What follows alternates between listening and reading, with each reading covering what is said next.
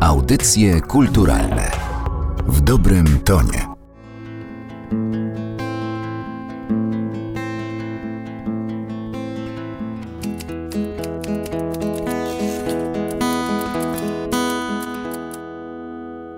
Jeden zraniony, drugi zabity. Krew się polała grudniowym świtem. To władza strzela do robotników.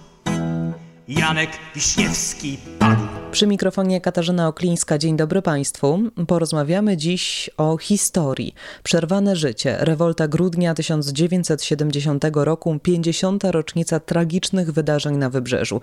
To tytuł edukacyjnego filmu, które przygotowało Narodowe Centrum Kultury. Naszym gościem jest dzisiaj historyk Maksymilian Olenderek z działu edukacji kulturalnej NCK. Dzień dobry. Dzień dobry Państwu. Okrągła rocznica zawsze jest dobrym momentem na podsumowanie. Zadam Zadam więc bardzo otwarte pytanie: czy do tych wydarzeń mogło nie dojść? Czy mogło nie dojść do rozlewu krwi między 14 a 19 grudnia 1970 roku, kiedy robotnicy wyszli na ulicę protestując przeciwko podwyżkom cen? Trudno odpowiedzieć na tak postawione pytanie. Jest to rzeczywiście takie pytanie bardzo, bardzo kategoryczne. Bardzo szerokie. Tak, tak, ale, ale też, też bardzo tutaj takim kategorycznym stwierdzeniem byłoby, powiedzenie, czy, czy mogło do tego dojść, czy musiało do tego dojść, czy też mogło do tego nie dojść. Na pewno to, co można powiedzieć, to, to trzeba zauważyć, że te nastroje społeczne, które doprowadziły do tej rewolty robotniczej, do tych tak zwanych wydarzeń grudniowych, narastały od pewnego czasu. Wiemy, co się działo w marcu 1968 roku. Wiemy, że Władysław Gomułka, przychodząc do władzy w 1956 roku, obiecywał polepszenie jakości życia, obiecywał reformy. Wiemy, że z tych zobowiązań się e, nie wywiązał i z roku na rok te nastroje społeczne w latach 60. były coraz gorsze. Więc e, raczej odwołałbym się do tego tła społecznego i również gospodarczego, bo wiemy, że tą bezpośrednią przyczyną była podwyżka cen, zwana tak eufemistycznie regulacją cen. Po prostu robotnicy, którzy oczywiście nie byli e, grupą najwyżej zarabiającą, bardzo mocno odczuli podwyżkę cen, która dotyczyła w największej mierze takich podstawowych artykułów, między innymi artykułów spożywczych. Więc no, unikałbym odpowiedzi na tak postawione pytanie wprost.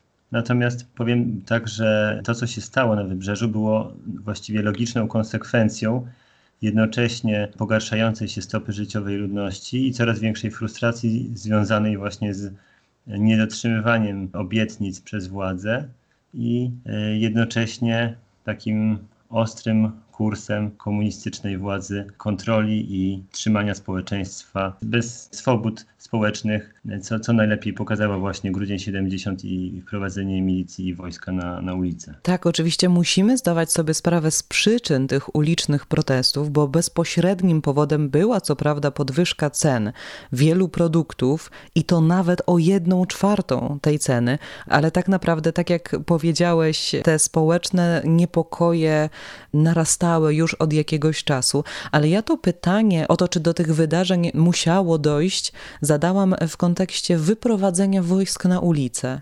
Czy to się musiało zdarzyć? Tak, moim zdaniem była, była to logiczna konsekwencja sposobu sprawowania władzy i sytuacji, w jakiej ta władza się znajdowała. Tak, jakby logika e, wewnętrzna, jakby podejmowania decyzji przez tę władzę nakazywała im po prostu użyć siły. Kilkanaście lat wcześniej, tuż po dramatycznym okresie stalinizmu, naród zaufał Władysławowi Gomułce, który objął stanowisko pierwszego sekretarza Komitetu Centralnego Polskiej Zjednoczonej Partii Robotniczej i obiecywał Polakom lepsze jutro. 24 października 1956 roku Władysław Gomułka na placu Defilat w Warszawie przemawiał do tłumów.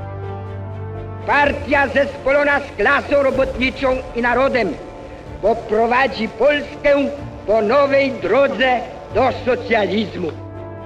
Symbolem grudnia 1970 roku są drzwi. Drzwi, na których niesiono ciało zabitego przez milicję, przez wojsko Zbyszka Godlewskiego. Co do tego symbolu chyba nie ma wątpliwości, że jest on właściwy i na miejscu. Tak, oczywiście. To wydarzenie, właśnie niesienie ciała zabitego kolegi przez stoczniowców przez całe centrum Gdyni stało się takim symbolem całych wydarzeń grudniowych, co też dobrze pokazuje symbolicznie ta piosenka, słynna ballada o Janku Wiśniewskim. I tutaj musimy wyjaśnić, że ta ballada dotyczy właśnie Zbyszka Godlewskiego, który jest znany jako Janek Wiśniewski, ponieważ autor tej ballady, Krzysztof Dowgiało, nazwał ofiarę według własnego uznania, bo nie znał prawdziwego nazwiska Zbyszka Godlewskiego. Tak jest. Co do tej ballady, to też jest właściwie bardzo szeroki temat gdyż jak wiemy, stała się ona przez lata, mimo że w wersji tekstowej oczywiście dotyczy bezpośrednio grudnia 70, ale stała się ona taką uniwersalną pieśnią symbolizującą opór przeciwko komunistycznej władzy. A też jej historia jest bardzo ciekawa, ponieważ początkowo nie uzyskała żadnego rozgłosu, a dopiero film Człowiek z żelaza Andrzeja Wajdy i wykonanie przez Krystynę Jandę tej pieśni uczyniło ją sławną i rozpropagowało ją w środowisku solidarnościowym i w ten sposób w całej, w całej Polsce. Stoczniowcy Gdyni, stoczniowcy Gdańska, idźcie do domu. Skończona walka, świat się dowiedział, nic nie powiedział. Janek Wiśniewski padł. Nie płaczcie matki, to nie na darmo. Nad stocznią sztandar z czarną kokardą za chleb i wolność i nową Polskę. Janek Wiśniewski. Wydarzenia grudnia 1970 roku są nie tylko kojarzone ze Zbyszkiem Godlewskim, nazywanym Jankiem Wiśniewskim, ale także z Gdynią. To tam zginęło najwięcej osób. Ale tak mi się wydaje, i to jest pytanie do ciebie, czy przypadkiem nie powinniśmy pamiętać, że protesty odbywały się w wielu innych miastach i że tam też ginęli ludzie i że nie było to tak naprawdę tylko wybrzeże, ponieważ według najnowszych badań Instytutu Pamięci Narodowej protesty odbywały się też też w głębi kraju, na przykład w Krakowie, i że w tych protestach brał udział po jakieś 20 tysięcy osób. Oczywiście zgodzę się z tym stwierdzeniem. Natomiast ta, ta nazwa strajki na wybrzeżu no, o, o tyle jest oczywiście uprawniona, ponieważ no, tam rzeczywiście te strajki i całe wydarzenia przybrały najbardziej krwawą formę. I, I w tym kontekście warto moim zdaniem szczególnie podkreślić to, co się działo w Szczecinie, dlatego że właśnie te wydarzenia w Gdańsku i Gdyni trochę przysłaniają to, co się, się działo w Szczecinie, ponieważ to Szczecin, według oficjalnych danych oczywiście, bo tylko tymi dysponujemy, tymi, które podała komunistyczna władza po wydarzeniach. Natomiast właśnie według tych danych to Szczecin był tym drugim miejscem po, po Gdyni, gdzie zginęło najwięcej osób. Film jest taki syntetyczny, tak? On ma, on ma być takim zestawem podstawowych faktów, zachęcał do pogłębienia wiedzy, dlatego on ogranicza się do takich no, najbardziej podstawowych zagadnień, dlatego mówi o Gdańsku, Gdyni, Elblągu i, i Szczecinie. Czyli tym miastem, którego jeszcze nie wymieniliśmy jest Elbląg. Tam według oficjalnych danych jedna osoba zginęła, natomiast protesty tam się zaczęły prawdopodobnie najwcześniej, bo już 13 grudnia, od napisów na, na murach, które pojawiały się i były zmazywane przez władze i trwały aż do stycznia 1971 roku. W mniejszym oczywiście nasileniu, ale cały czas były pewne incydenty. No i te wydarzenia w jakiejś tam mniejszej skali trwały aż do stycznia. Film edukacyjny, który zrealizowało Narodowe Centrum Kultury, to typowy film edukacyjny, ale jego wyjątkowość właśnie polega na syntetycznym przedstawieniu faktu. Film trwa kwadrans i wyjaśnia wiele historycznych zawiłości, po które być może niektórym nie chce się sięgnąć do podręczników, bo umówmy się, nie jest to to najwygodniejsze narzędzie i najwygodniejszy sposób pozyskiwania informacji w świecie zdominowanym przez nadmiar obowiązków. Tak, oczywiście. Ten materiał, on jest czarno-biały, nieco surowy taki w pierwszym takim oglądzie, natomiast oddaje realia tych chwil, zachowanych filmów, zachowanych zdjęć tego czasu. Tak? Możemy w ten sposób troszeczkę zobaczyć, jak to wyglądało bez takich upiększeń, łatwych do uzyskania oczywiście współczesną, współczesną techniką, tylko w taki surowy sposób, pozwalający, bo może to najważniejsze, pozwalający właśnie skupić się na faktach. Dlatego tam w tym filmie po opowieści o tym, co się działo w każdym z miast, są wymienione konkretnie fakty, czyli ile osób zginęło, ile osób było represjonowanych i tak dalej. Powiedzieliśmy o tym, co się wydarzyło, powiedzieliśmy o przyczynach wydarzeń grudniowych. Powiedzmy więc e, o tym, co za sobą pociągnęły. A pociągnęły za sobą zmianę władzy. Na stanowisku pierwszego sekretarza KCPZPR Władysława Gomułkę zastąpił Edward Gierek. Tak jest. Edward Gierek, pamiętany jako ten, który wprowadził w Polsce pewne dobra konsumpcyjne, tak? Ten, z który, zachodu. Tak, z zachodu.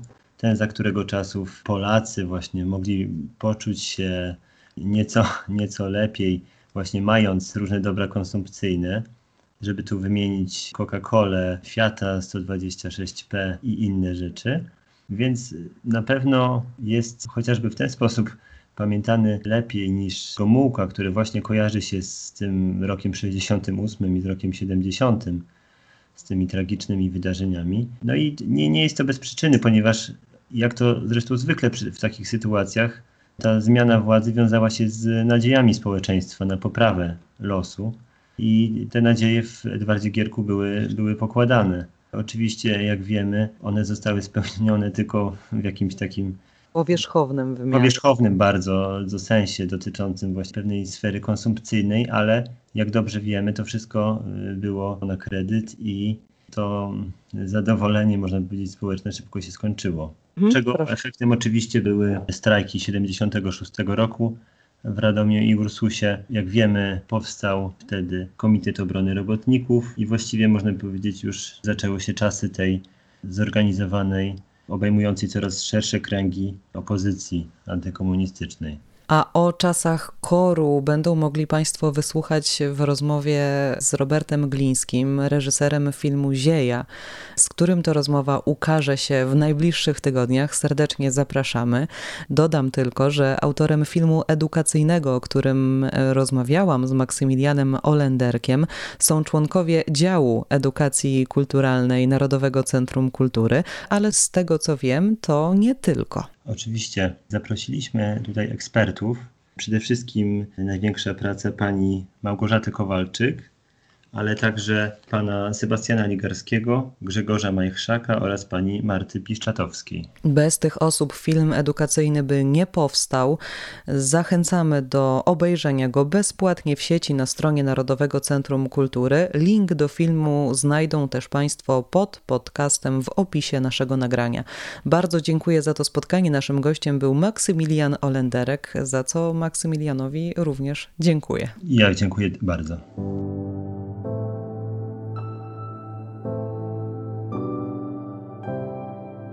Czasem bieg historii wymazuje z pamięci ważne wydarzenia. Ich wspominanie stanowi gwarancję zachowania prawdziwego obrazu polskiego dziedzictwa dla następnych pokoleń. W 50. rocznicę krwawych wydarzeń grudnia 70 pamiętajmy.